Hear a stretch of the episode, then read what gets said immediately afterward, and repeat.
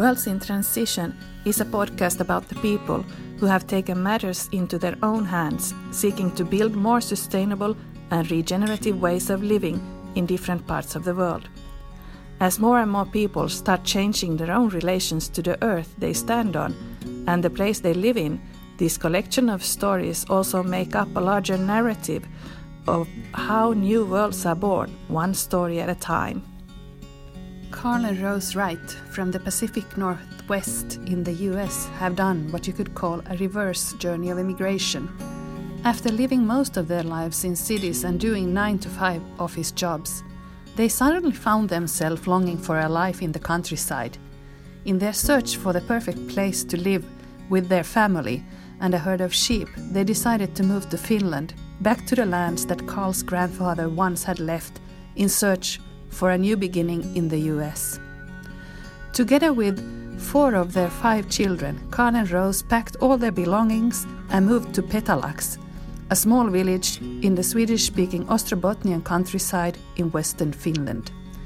In our conversation, we talk about the reasons behind their decision to leave the United States and what it signifies to become a sheep farmer from abroad in a place like Petalax. So I'm here with uh, Carl and Rose at your out, just outside your farm. Uh, and we're, I, I, was curious about your story from reading in the local newspaper Vasabladet that you moved here from Oregon mm. to start a sheep farm. That's basically what it was about. So I wanted to know more. That's why I'm here. Do you want to tell me? Yes, yes. Uh, well, we actually started the farm in Oregon. We had it for three or four years before we moved here. Um, one of the problems we found with trying to have a small farm that focused on sheep uh, is that you need land, and land was getting very expensive in the U.S. in in Oregon because mm. um, a lot of companies from a lot of tech companies. Uh, you know, like Intel and even smaller comp- Silicon Valley companies were relocating into Oregon for to expand their operations, and Oregon had a lot of uh, technology companies to begin with, but they were buying up more and more land. That made land more expensive in Oregon, and suddenly farmland that used to be fairly cheap was worth a million dollars, and you can't sustain a farm on land that's worth a million dollars because Mm. It, the property taxes alone aren't going to yeah. help with that. Um, uh, so we were we kind of we were going around uh, different parts of Oregon trying to find out where we could sustainably have a farm and it didn't look very promising. I mean, it, there was a lot of details in that, but the long story short is that uh, my grandpa, who's from Petalax, he still. Uh, he still owned land even though he lived in the US he kind of he, when he died the land he was no was no one lived in in Finland, so no, nobody was here to claim it. It kind of got managed by OP Bank, and so there was just land in the family sitting unused, and so that's one thing that we wanted. That was one attraction here because, I mean, there was family land, but also land here so cheap compared to Oregon that it made it very easy to sustain a small farm, and so that was our part of our motivation.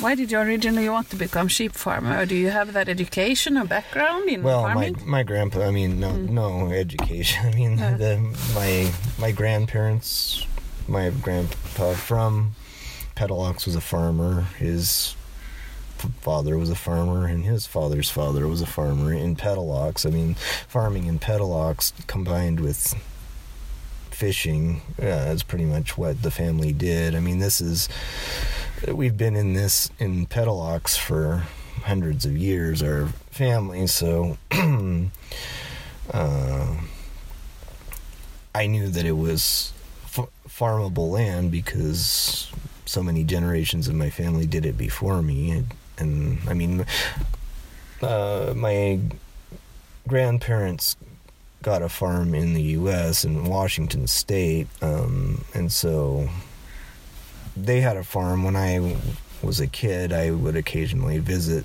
the farm, although by then they had retired, but the farming operation was still going, and um, somebody was managing it for them, and uh, my mom and her siblings would get some share of the proceeds from that. Um, so, but I I was familiar with farming in my Mm. at various times. My parents had farms. But you grew up in in a city, or I grew up. I was born in California, and I grew up in Seattle, and then uh, moved to Portland when I was 18, and lived in Portland for a while, and that's when I met Rose. So, uh, but I grew up in in Seattle, in Washington State, and that's where my grandparents have their farm. Um, that's where I grew up. My dad uh, was was uh, uh, where he worked for Boeing designing Mm. plane airplanes. So. Um, but did you have that when you was a kid? Like, oh, I will be, I will become a farmer. no, no, no. Uh, so that's that's where I was getting that. At what point? At what point did you like be, become interested in no, farming? I wanted I wanted to be a, a pilot. That's what I wanted to be, and I did learn to fly planes. But as I became an adult, I didn't re- think that I wanted to do that. It just it had less appeal, and I actually had a lengthy career as a computer programmer, Mm. um, and that's one of the reasons why there's a lot of story and Mm. I guess for the sake of brevity we can skip all the details there but there's a lot of details in there that probably caused us to go into farming but it's a long story so I guess that's... But maybe some of the details would be interesting to know if you want to share. um If you can pick. Well, it was yeah. I guess I I was uh, doing programming. It was the economy, uh, as as everybody knows, there was a recession in Mm. 2008. Um, the U.S. didn't. I mean, the re- recession officially only lasted a little while, but the effects of it lasted a long time, and um, and that made um, us consider more. It, it, there was just certain things that if you're dependent on uh, selling your labor value Mm. to a boss uh, for making for putting food on the Mm. table, then there's there's so many steps you have to go to. But if you're basically owning the means of production by uh, having your own sheep and your own farm and making and doing things yourself that just seemed a lot more attractive so i guess that was Mm, so it was kind of a wake up call, the Yeah. recession. yeah yeah Uh, what about you? Did you just follow along? Well, no, I was uh, when we had uh, twin girls um, in 2010. Um, I wanted them to each have a special doll that kind of fit their personality, and I gave one of them a bunny and one of them a lamb. And then as she grew up, I thought, I bet she'd like to see some real sheep. And when we visited the real sheep, we were like, wow. And then we got kind of got thinking that this would work out pretty well, actually. And so, and I've always liked work, having a garden and doing outdoor stuff. It it just felt really good to do something with my own hands. So one thing led to another, and we started talking. Thought, yeah, we, this seems a lot better idea. And hmm. But you you left everything behind and you came here. So all your friends and all it was.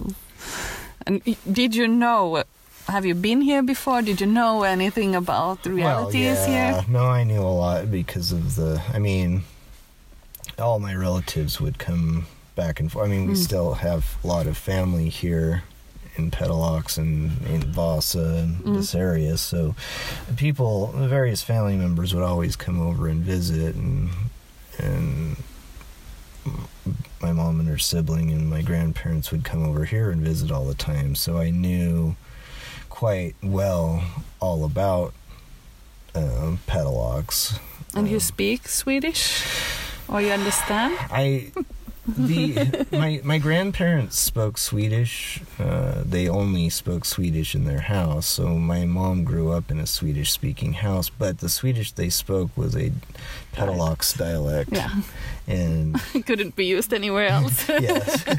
so that's that's the problem that I face. The my biggest exposure to Swedish is a dialect that nobody uses anymore. well, there are some here around. Yeah. At least the old people around Yeah. here. My What only about you? exposure to my only exposure to Swedish was in the 80s especially a lot of TV shows thought the Swedes were kind of um, interesting. So there would always be like a Swedish housekeeper or something like that on the different shows. So I heard the accent but but didn't really learn the But you hadn't language. you hadn't had any contact with this place or no. Yeah. well of course through your relatives, but Yeah, occasionally Carl would mention, you know, maybe someday we should move to uh, Finland, and I'm like, uh, I don't know. but and then uh, right before we made the decision, he had had a job offer in Canada, so we were thinking, you know, let's let's just move up there to Canada. And and while we were talking about it, he started talking about Finland again, and so we were kind of comparing the different options, and eventually just settled on Finland as the better option. But what about? I mean, now there's also been a lot in the newspaper about um sheep farmers having a difficult time here uh, with selling selling the, the meat from the sheep. And so, do you feel affected by that? No, our, our main goal with the sheep farming was we wanted fin, we had the Finn sheep, the same breed of sheep that we have now. We had that in the U.S. too, and one of the n- really great things about the uh, Finn sheep, which are native t- to Finland, Yes. they're a heritage breed. They have many, many lambs at once compared to any other breed of sheep that has one or two lambs at a time, and so they can breed very fast. Uh, a lot of farmers, sheep farmers in Australia, New Zealand, pretty much all around the world, want to crossbreed Finn sheep with whatever breed they're sometimes merino or whatever, so that they can have more lambs at once. And so, in that respect, the value of Finn sheep is more of the breeding stock for other exporting it to other farmers around the world than selling it for meat. Um, and I mean, the wool you can sell wool, but you can get a lot more money, for maybe uh, two to five. I mean, we paid five hundred dollars each for our sheep in uh, the U.S., so that was a lot more than they sell for here. So you can get a lot more money just selling breeding stock than um, individual sheep, and the demand is so high. I mean, for a small farmer, you can satisfy that demand for a while.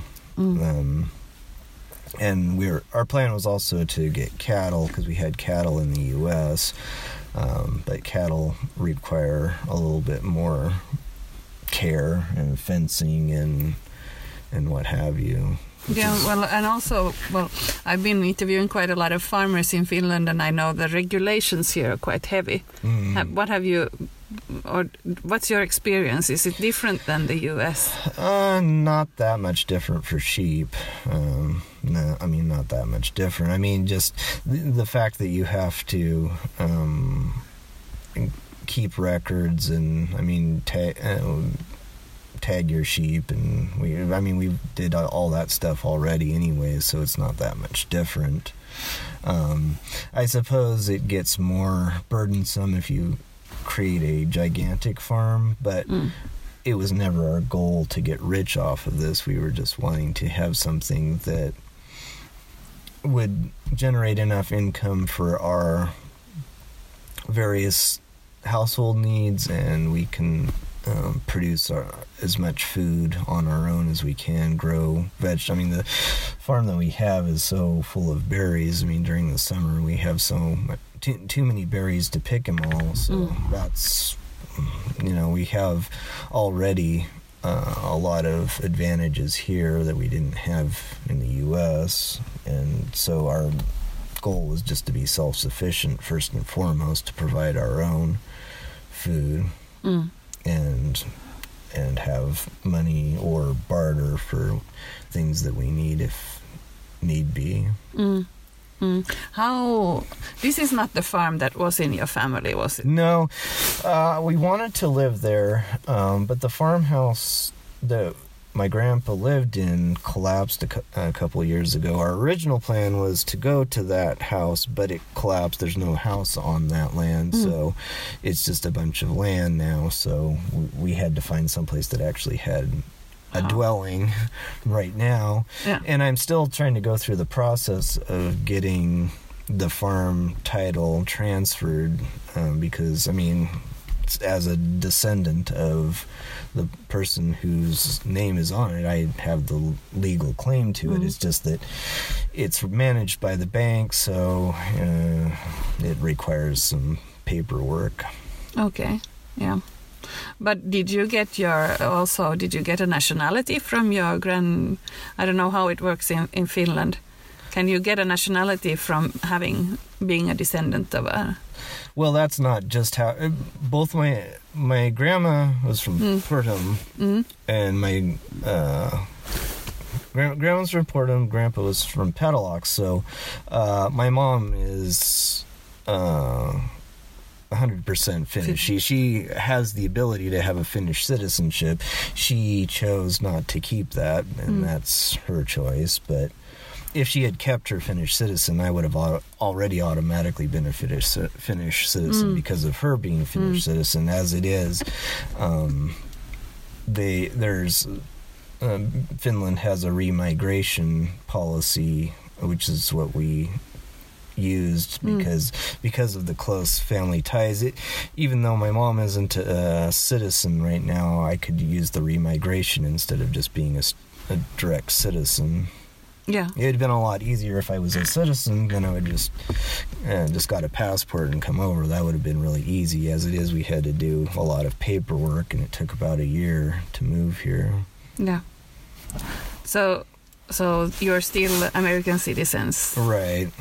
The whole family. Yeah. Yeah. But you've been able to to get all this up and running Yeah. without because many I've I've met also uh, foreigners who have started farms, uh, but they are usually one of them is Finnish. Mm. So so that's in a way like a little bit exceptional in your case that you both are from elsewhere. it it it helps that um I mean I mean having the relatives. I mean we we couldn't get any bank loans. That's the that was the problem. We basically had to pay cash and somehow come up with every bit of um resource we have with the farm now. Nobody would give us a loan so we're just basically doing it on our own. Um But if you would have a loan, then that would also impact what you you would be limited by that loan, having to have an income to. Probably, probably, but um, if we had been able to get a loan, we could have gotten enough sheep to generate income immediately. Because when if you if we could have bought fifty sheep, we could sell. Even fifty sheep is generates enough wool and what have you to and. Finland gives uh, heritage breed grants for Finn sheep, so if you have uh, Finn sheep, you get um, a certain amount of money per sheep, just just for keeping Mm. them. Not even, no matter what you do with them. So there's incentives there. Mm. Mm. We had to do it the hard way because yeah, we're not getting any help. So we're just persevering because of sheer determination. Mm. Um, How many sheep do you have now? Uh, six. The, with, Okay. they're, the the five ewes we have are with lambs, cause and that's that's the difference. If we we had we had to pay, we had to save money from what we weren't buying for food and use that to buy sheep, and so it was pretty difficult. But we managed to get the six sheep we have, so. Um, it's a start. I mean, we're going forward. Yeah. Um, Mm. What about the the community here? How do they how do they receive you? Well, most of the, I mean, like the neighbors and everything like that, that's been, uh, I mean, the relatives have been very supportive and the Mm. neighbors and things like that. So, I mean, Finns in a, gen- as, in a general sense are a lot friendlier than Americans, even if they're not as outgoing. They, I mean, Americans might talk more, but they are also not very willing to help anybody.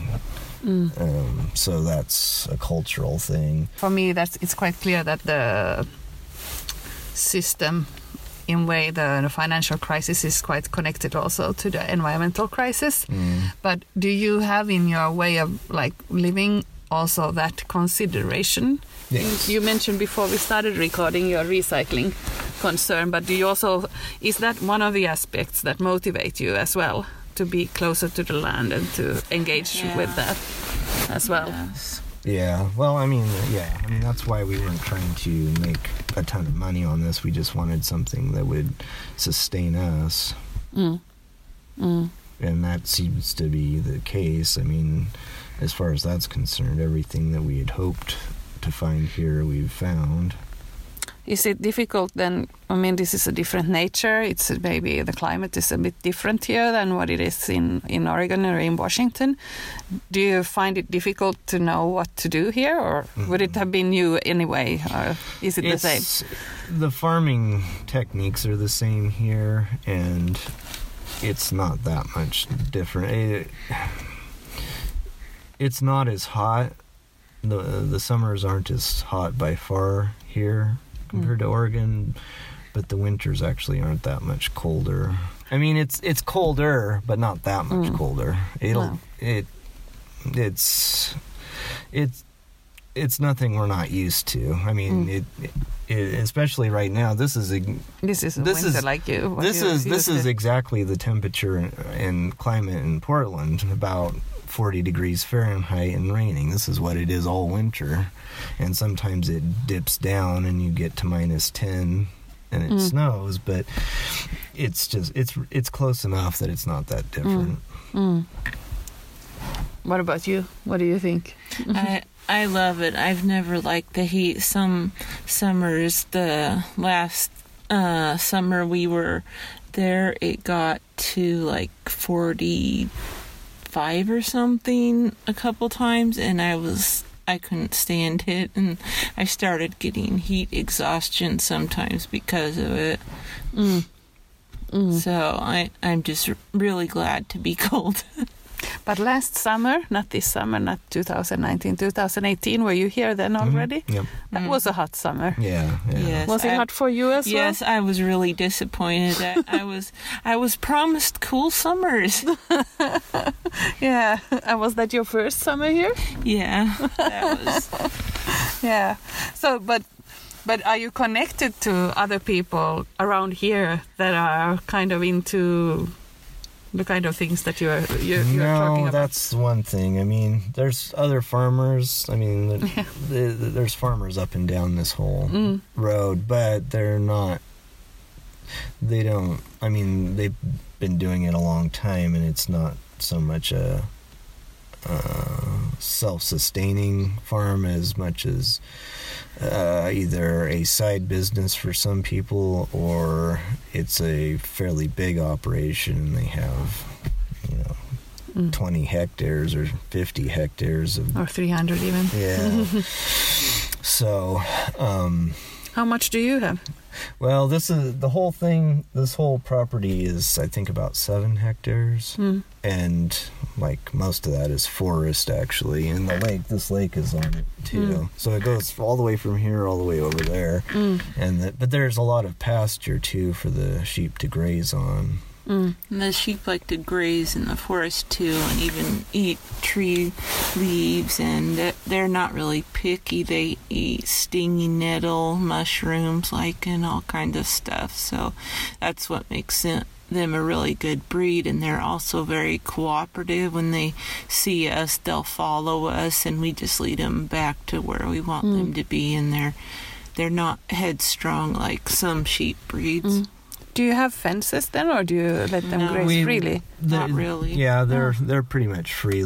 Fr- eh, and So they- during the summer they roam free, but So they don't escape like sheep usually do? No, they we Yeah. trained them where Okay. home is, and they stay where they s- where. And you have a dog or something? No, no dog. not even dog. They they know where they usually find the best food, so they don't want to go too far.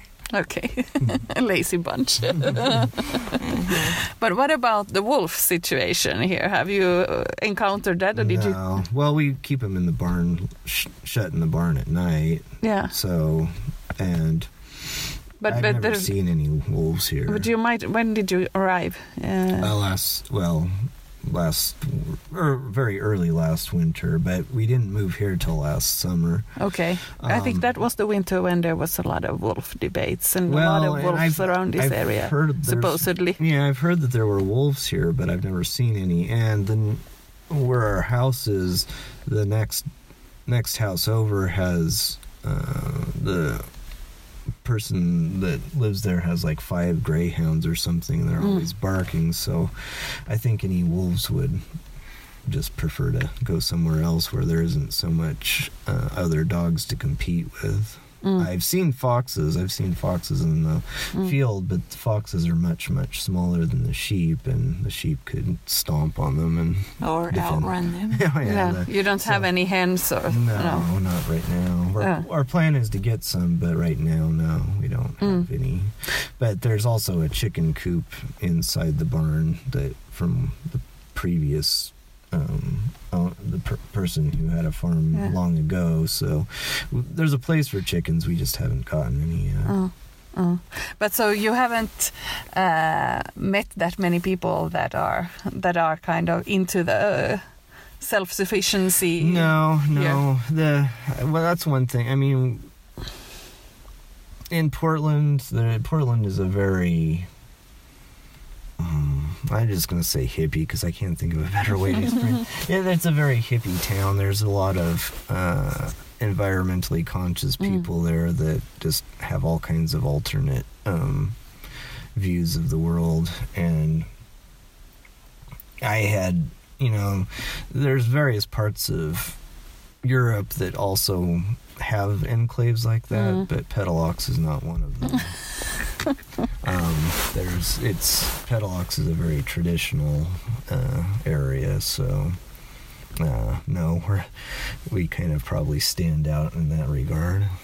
Is it something that you're thinking also with your children that this is something you want to pass on to them, or It was our hope, but I don't know. They um, they participate, but they don't seem super excited about it. So I don't. I'm not sure. I, I'm not sure if it. I wanted them to have the option, though. Mm. They can choose to do the farming themselves, or they can choose not to. It's up to them. But they used to live also in a city, and now they Yeah. live out here. Yeah. What What do they think of that? It seems like they like it a lot better. I mean, Okay. having uh, at least when we first had sheep, the sheep were really exciting for them. They were always had fun herding the sheep and what have you. Now Mm. they're getting now with the school and um, learning Swedish. There's a lot more time demands on them, so they're not. They, Mm. I, it doesn't seem like they're exci- as excited about the sheep, but that could be just because there there's so many other things to be excited about now. But there's not anything like on the. Uh, I, I know it's it might be hard to talk about those things, but about like the whole political environment in the U.S. why you decided to leave. Well, that that's maybe not something you want to talk about No, like I'll first talk- meeting, but no, I can talk about that if you want to hear. Actually, I do want to say something about that, and I hope this makes it to the podcast. okay. Um, I think that it's necessary as we're speaking of the U.S. Well, I, I mean, people people sometimes move voluntarily, but sometimes they move involuntarily. And one mm. thing in particular that has always been kind of a burden for me or bothered me is so in in Portland, just outside of Portland, there was an indigenous tribe uh, called the Celilo tribe. It was I don't know, maybe a hundred miles from Portland. They had they had their land, and you know they lived there for tens of thousands of years. Um, in the 1920s and 1930s, uh, the Oregon government decided, well, this is a perfect place to build a dam. They basically kicked them off their land, took it, and moved them to a different spot, and built a dam there. Uh, and so now there's a dam generating power. Um, this dam provides a lot of the power for Portland. It generates billions of dollars, and still the indigenous tribe lives 20 miles away in abject poverty. I mean, they, the kids there are just so poor, and then, but, and so just like five years ago, Google decided to put a data center right here because there was so much power being generated. So now Google is making billions of dollars in this um, off this uh, dam, the generating power, the hydroelectric power.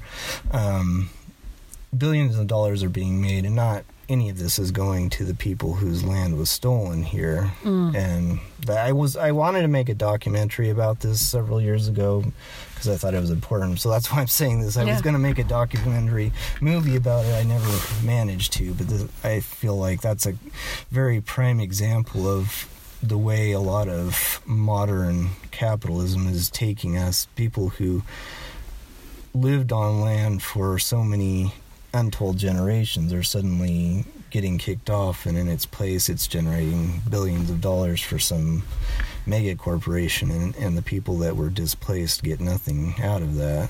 Hmm. So that's one one part also that.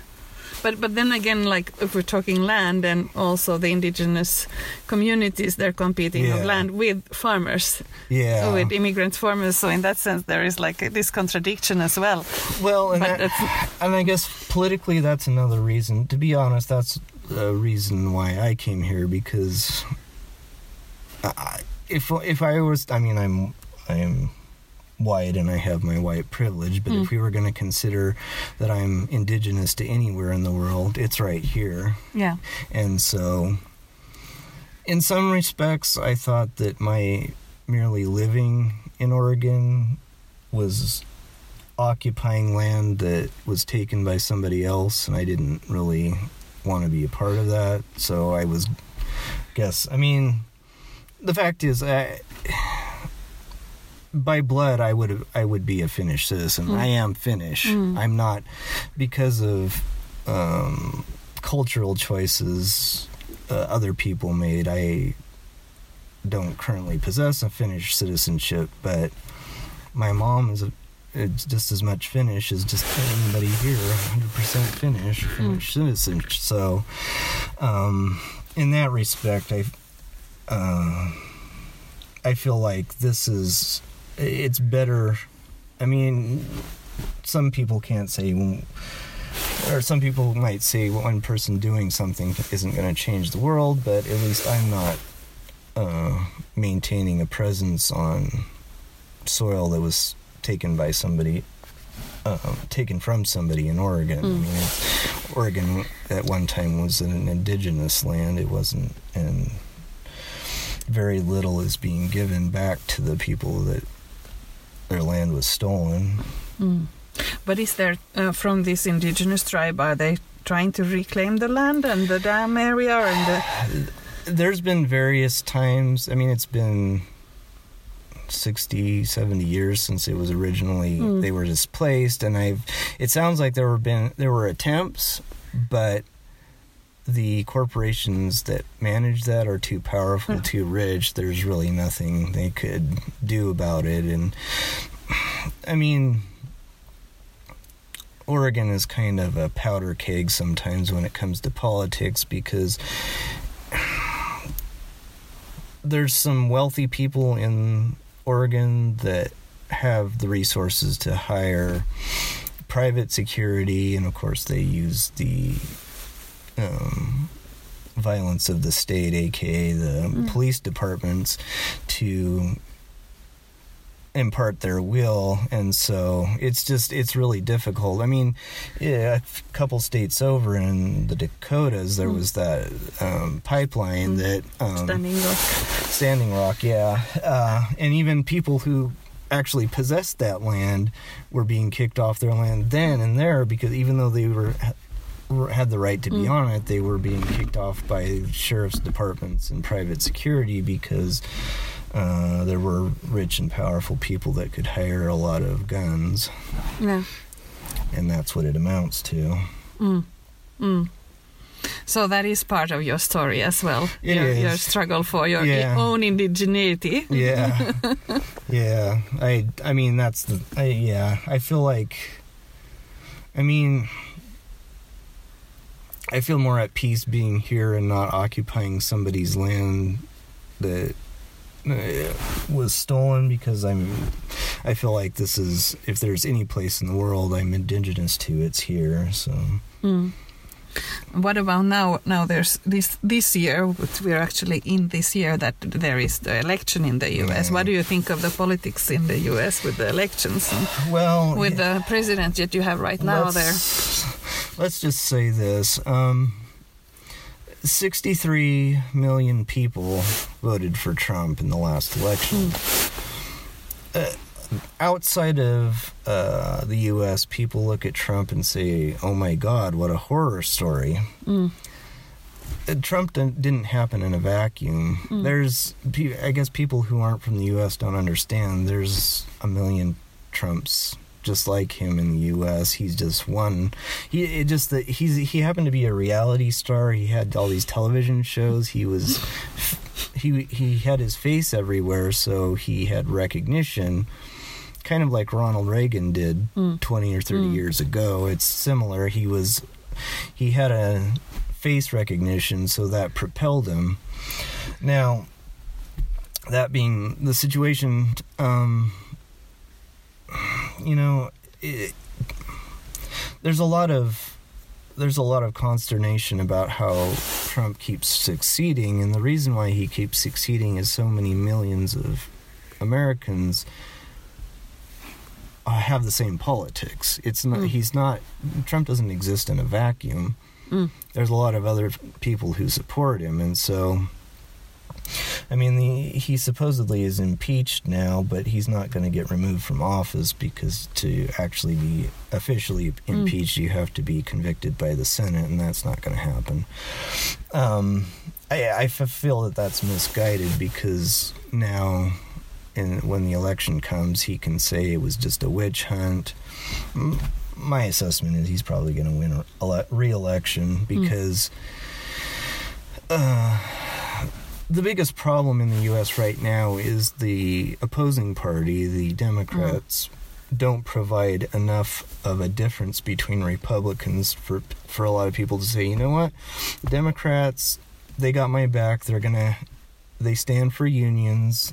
I mean, all these things, all the things that the Democrats used to stand for, they stand for nothing, and so there's no adequate um, op- opposition party anymore they're basically, well, we don't, we're not the party of billionaires, we're the party of hmm. millionaires. And average Americans don't care if you're a millionaire or a billionaire, they're neither. Yeah, yeah, So yeah. it's just the, the politics, it's going to continue to be a problem until. And so I guess to wra- to wrap this mm. up, yes, I consider this to be a. It's going to get worse before it gets better, and we didn't want to be there experiencing such turmoil. Mm. I think there's going to be a lot more that's going to happen that the world's going to just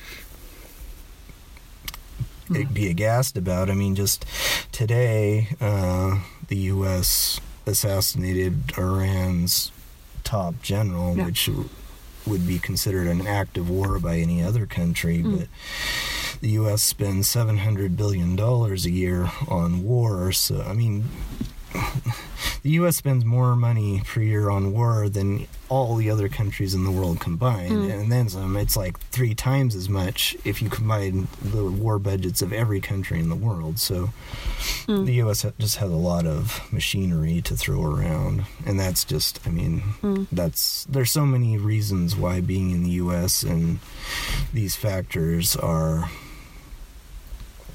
But it, uh, are there many other people like you that are looking for ways of getting away or to, to like turn things around or to, to just like I think a lot of people sometimes talk about it, but n- not many people do it. I think some, in some cases, they just they protect themselves by creating the cooperatives, like I hmm. mentioned. They create little micro communities? micro communities that they're just that's all they do they're focused on their little community and so that that can be okay i guess um, i mean people do talk about moving to canada or whatever but very few people do that um, But is it possible to like do this kind of?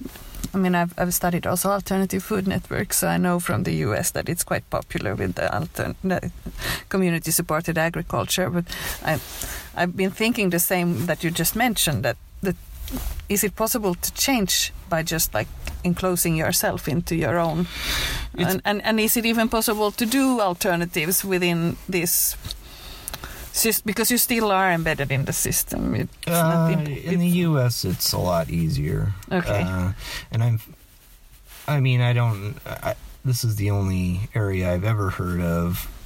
Uh, my, all my relatives are from the Vasa or Mm. Ostrobothnia area, so I don't know how it is in Helsinki or anything Mm. like that. But there's definitely it's definitely more difficult in the U.S., if you decide, you know what, you're gonna, I'm gonna cut off myself from the rest of the world. I'm gonna buy a piece of land out in the middle of nowhere and create a cooperative. I mean, you can do that. Eh, if you can be self-sustaining with it, you can do it. I mean, Mm. there's been a lot of, uh, I mean, especially in California. I when I was born in California. I lived in California through the most of the 70s um, and hippie communes were popular Mm. in California at that time. I mean, it was you could easily go into the woods, you know, buy a little piece of land, and twenty to fifty people go all live there. Uh, it, it it works as as long as you can sustain yourself. I mean, nobody gives them any help. If you can Mm. grow your own food and what have you, then they Mm. just do it. Um, I think in the 80s, sometimes government started inventing ways to crack down on it, and so it made it a little more difficult. But it was still, there was some sympathy for people wanting to reconnect with the land like that. It seems like in Finland, there's more resistance because it's a it's a concept that apparently goes against the older commune guidelines which is you know there's these structures where the elderly are taken care of and this and Mm. that the US doesn't have that in the first place so if you create your own micro community then I mean in the US it's basically in some ways it's the law of the jungle. If you can Mm. do anything you can sink or swim. It's more almost a more anarchist society. So nobody will condemn you? Because here, when you hear of people doing, well, basically doing also what you're doing, and maybe that is also what you said that you you have encountered some some some people that are maybe a little bit suspicious that Yeah. here if you if you do this and i've also seen articles from people that have gone out to live in the woods and be Mhm. self-sufficient and they don't have any incomes then very often you meet the sentiment that you are not contributing to the society, that you're not that you're actually destroying our what we have fought for and the welfare state because you're not paying taxes. Mm. So is this not something that comes up in the US? Well, there is no real. I mean, As long as you can make your sustain yourself, then that's fine. I mean, it, it's not presented in those um, terms because uh, that's one thing that the uh, the welfare state in Finland uh, is looked at looked at positively. In the U.S., large percentages of people look at any kind of welfare state as an abomination. They think that's the worst thing ever. I mean, this is why Trump is elected because people think any kind of handout, any kind of benefit given to anybody is horrible. Um, and so that's that being the case. People, I mean, yeah, it's true that like if if you create a cooperative anybody living nearby might think they're um, weird and, and what have you, but they don't do they don't go out and try to sabotage it. They're just like, well, there's those crazy people, but they just go about their business. Um, so it's it's in some ways not so much an acceptance; it's uh, they don't actively antagonize them. And in it is i mean it does seem like there's a little bit of well, one thing that's that i'm finding to be a kind of a catch 22 is that finland has become so dependent on uh, the concept of the welfare state Yes. that there are certain aspects of it that maybe should be questioned if it provides the most benefit because yes there's it's good to take care of people but is this the best way to take care of people if or is having micro communities uh, allowing micro communities better because it um, it saves tax money that could be i mean that's the thing it, Finland doesn't have a lot of natural resources. They don't, um, unlike Russia, they don't provide oil, which you know. Well, the moral, the morals of that aside, uh, Finland doesn't have a whole lot of resources other Well, than trees. we're about we're about to enter into a mineral age from the fo- fossil fuel age, and Finland is actually quite attractive for mining companies. Today, there's a lot of exploration going on, so Mm-hmm. uh, Finland is turning into a natural resource-based uh, uh, country. It used to be knowledge-based while we had Nokia and, Mm-hmm. Yeah. and the IT during Yeah. the IT time, but it's it's heavily going in that way, and infrastructure put in place for, for example, the, the train that is being planned, a railway planned up to the Arctic. That is not a tourist train. That is a train to to deliver all of the minerals up to the to the sea to ship it off to China. So. Mm. So no, no, uh, uh, we do have natural resources Well, that okay. are. Uh, we're just not prepared to discuss it in the in society. That I think that Mm. in the newspaper, this you can see some of the conflicts, like just yeah, one or two, but you not do not see the whole picture. And if you look at the whole picture, uh, we're about to sustain the whole Finnish welfare state based on resource extraction, which we, is what we used to do. mm. Uh, but is it what we should be doing well, at and this that, time that was of my age? that's that's my Now, is that what we should, we should be doing right I now? mean, because there's there's sections in Oregon, there's sections in Washington where the land has been completely stripped bare of all minerals, all resources, and it's it's nothing now. It's a desert that nobody can live there. It's uninhabitable, Yep. and especially in Washington State, um, Eastern Washington. Uh, the original Manhattan Project, the first atomic bomb, it was uh, apparently there was there was fissile matter in the area there in Mm. eastern Washington, so they started developing uh, nuclear nuclear mater- material there uh, in the 40s, but now it's turning into a ghost town because it's all contaminated. And in fact, sometimes the a radioactive material leaks into the river, which goes all the way to Portland, and you get uh, trace amounts of radi- radiation Mm. even in the city because there's so much contamination. And, and these are the types of things that people don't necessarily consider. 100 years from now what what's this going to do to the land? Is this going to make the land un- uninhabitable now? I Mm. the quest for profit sometimes clouds people's judgment. Yeah, so this is, and this, I think, because I've done much research in South America, the dam that you're discussing is like taken from from Chile. It's, Yeah. it's happened there as well, uh, and and of course mining and, and forestry there. So I know all these problems from there. I'm not sure, how, and I know also in the U.S. there is maybe an active debate about about this um, from a, like a environmental justice perspective often. Mm. But but in Finland, it feels like the society and maybe because of the welfare state is not equipped to have these debates Mm. because we need to have that in tax income from somewhere. For a long time, we haven't had these uh, extraction projects here. Mm. Well, actually, the this this lake right here is Yeah. not a natural lake. Uh, Oh. uh, I think in the seventies, uh, the guy that I'm getting the land from, uh, this uh, nickel was discovered here. Oh, okay. So they had a nickel mine here, a very small one, and they didn't find much nickel, but they dug 300. I think did they say 300 meters down? And so, and then when they finished, they just left, and it filled with water, and so now it's a.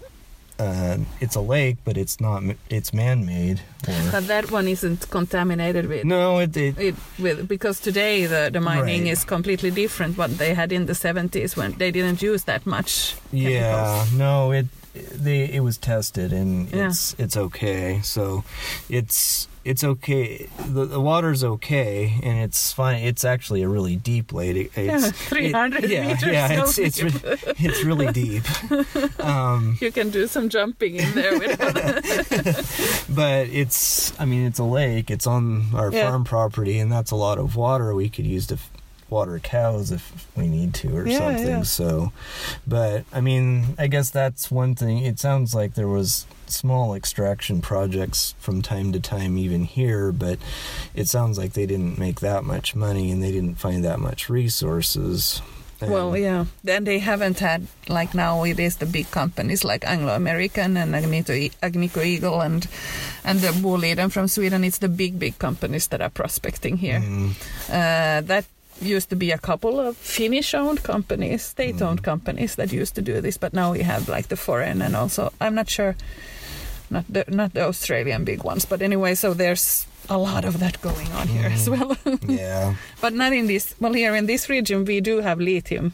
Mm. Lithium, so it's up north a bit from Vasa. Okay. Okay. There is about there is like this planning of a project there. So Mm. suddenly we might become very rich on Mm. resources Mm. or companies might do that Well, but i think we're, we're kind of like off streaming of what we were talking about yeah. i don't know Well, I mean, to a certain extent, I think that there's always been certain natural resources here, like the. I'm not. I guess you probably know about the meteor strike in Sundom, like 500 million years ago. oh yeah But- yeah yeah the the Söderfjärden Yeah, yeah, yes Uh, well, I'm. I mean that that meteor. It was uh, apparently a pretty much a solid piece of iron, and Mm. even here out in the field, we have large iron boulders. They're just all rusted. So you have we have iron here. If eh, there were. There's the iron resources just sitting out in the field, but Mm. uh, somebody at some point decided that iron is not close enough to. It would take too much work for them to turn it into industrial iron, so they don't want them get Yeah. it. But it's there's, I mean, uh, wh- you know, a hundred years ago when Finland was very poor, Mm. uh, my family would. When there was time to paint a barn, they'd go get rocks, them rusty rocks out of the field, and boil them and turn it into paint and paint their houses. So, those, or I mean, a long time ago, you could do just about everything you needed to do with what's on the land. Yeah, but it's a different. It's the artisanal practices that are completely different to what we have been talking about. About what that completely destroys the whole uh, ecosystem around it. So that it, it, I think that they're not really that comparable in that sense either. Mm. That of course man has uh, always been, or humans have always been taking from from, but it's it is as if we do not really understand the difference between between because there's a big difference Yeah. between these two different ways of operating. Yeah. Uh, what about the windmills? Have you come into that contact with that those well, projects here? yes, there's uh, in Malax. There's a very big windmill project. Um, Not because I heard just where I was just before now uh, about that there were plans to build here in Petalax as well, but they Yeah. managed to stop it. Yeah, yeah. No, there's actually construction right this minute in Malax, uh, Mm. about just uh, I don't know, maybe ten kilometers from uh, Petalax. Between Petalax and Malax, um, a whole whole sections of the forest are now being cut down to put in uh, a windmill farm, um, and it's being paid for by IKEA, I think. Oh yes, yes, that's the IKEA project. Yeah. and so i mean i that's that was my first realization that there's actually massive cutting projects forest cutting projects in finland because they're just completely uh, cutting everything down They're like 20 square kilometers of trees are just being completely removed for these projects Well, it's getting dark and it's getting cloudy, and I'm sure you're getting a little bit cold here. So I just have to thank you for taking the time to talk to me. You have listened to Worlds in Transition, a podcast series about the people who have taken matters into their own hands and started to build sustainable life forms in different parts of the world. Thank you for taking the time to listen.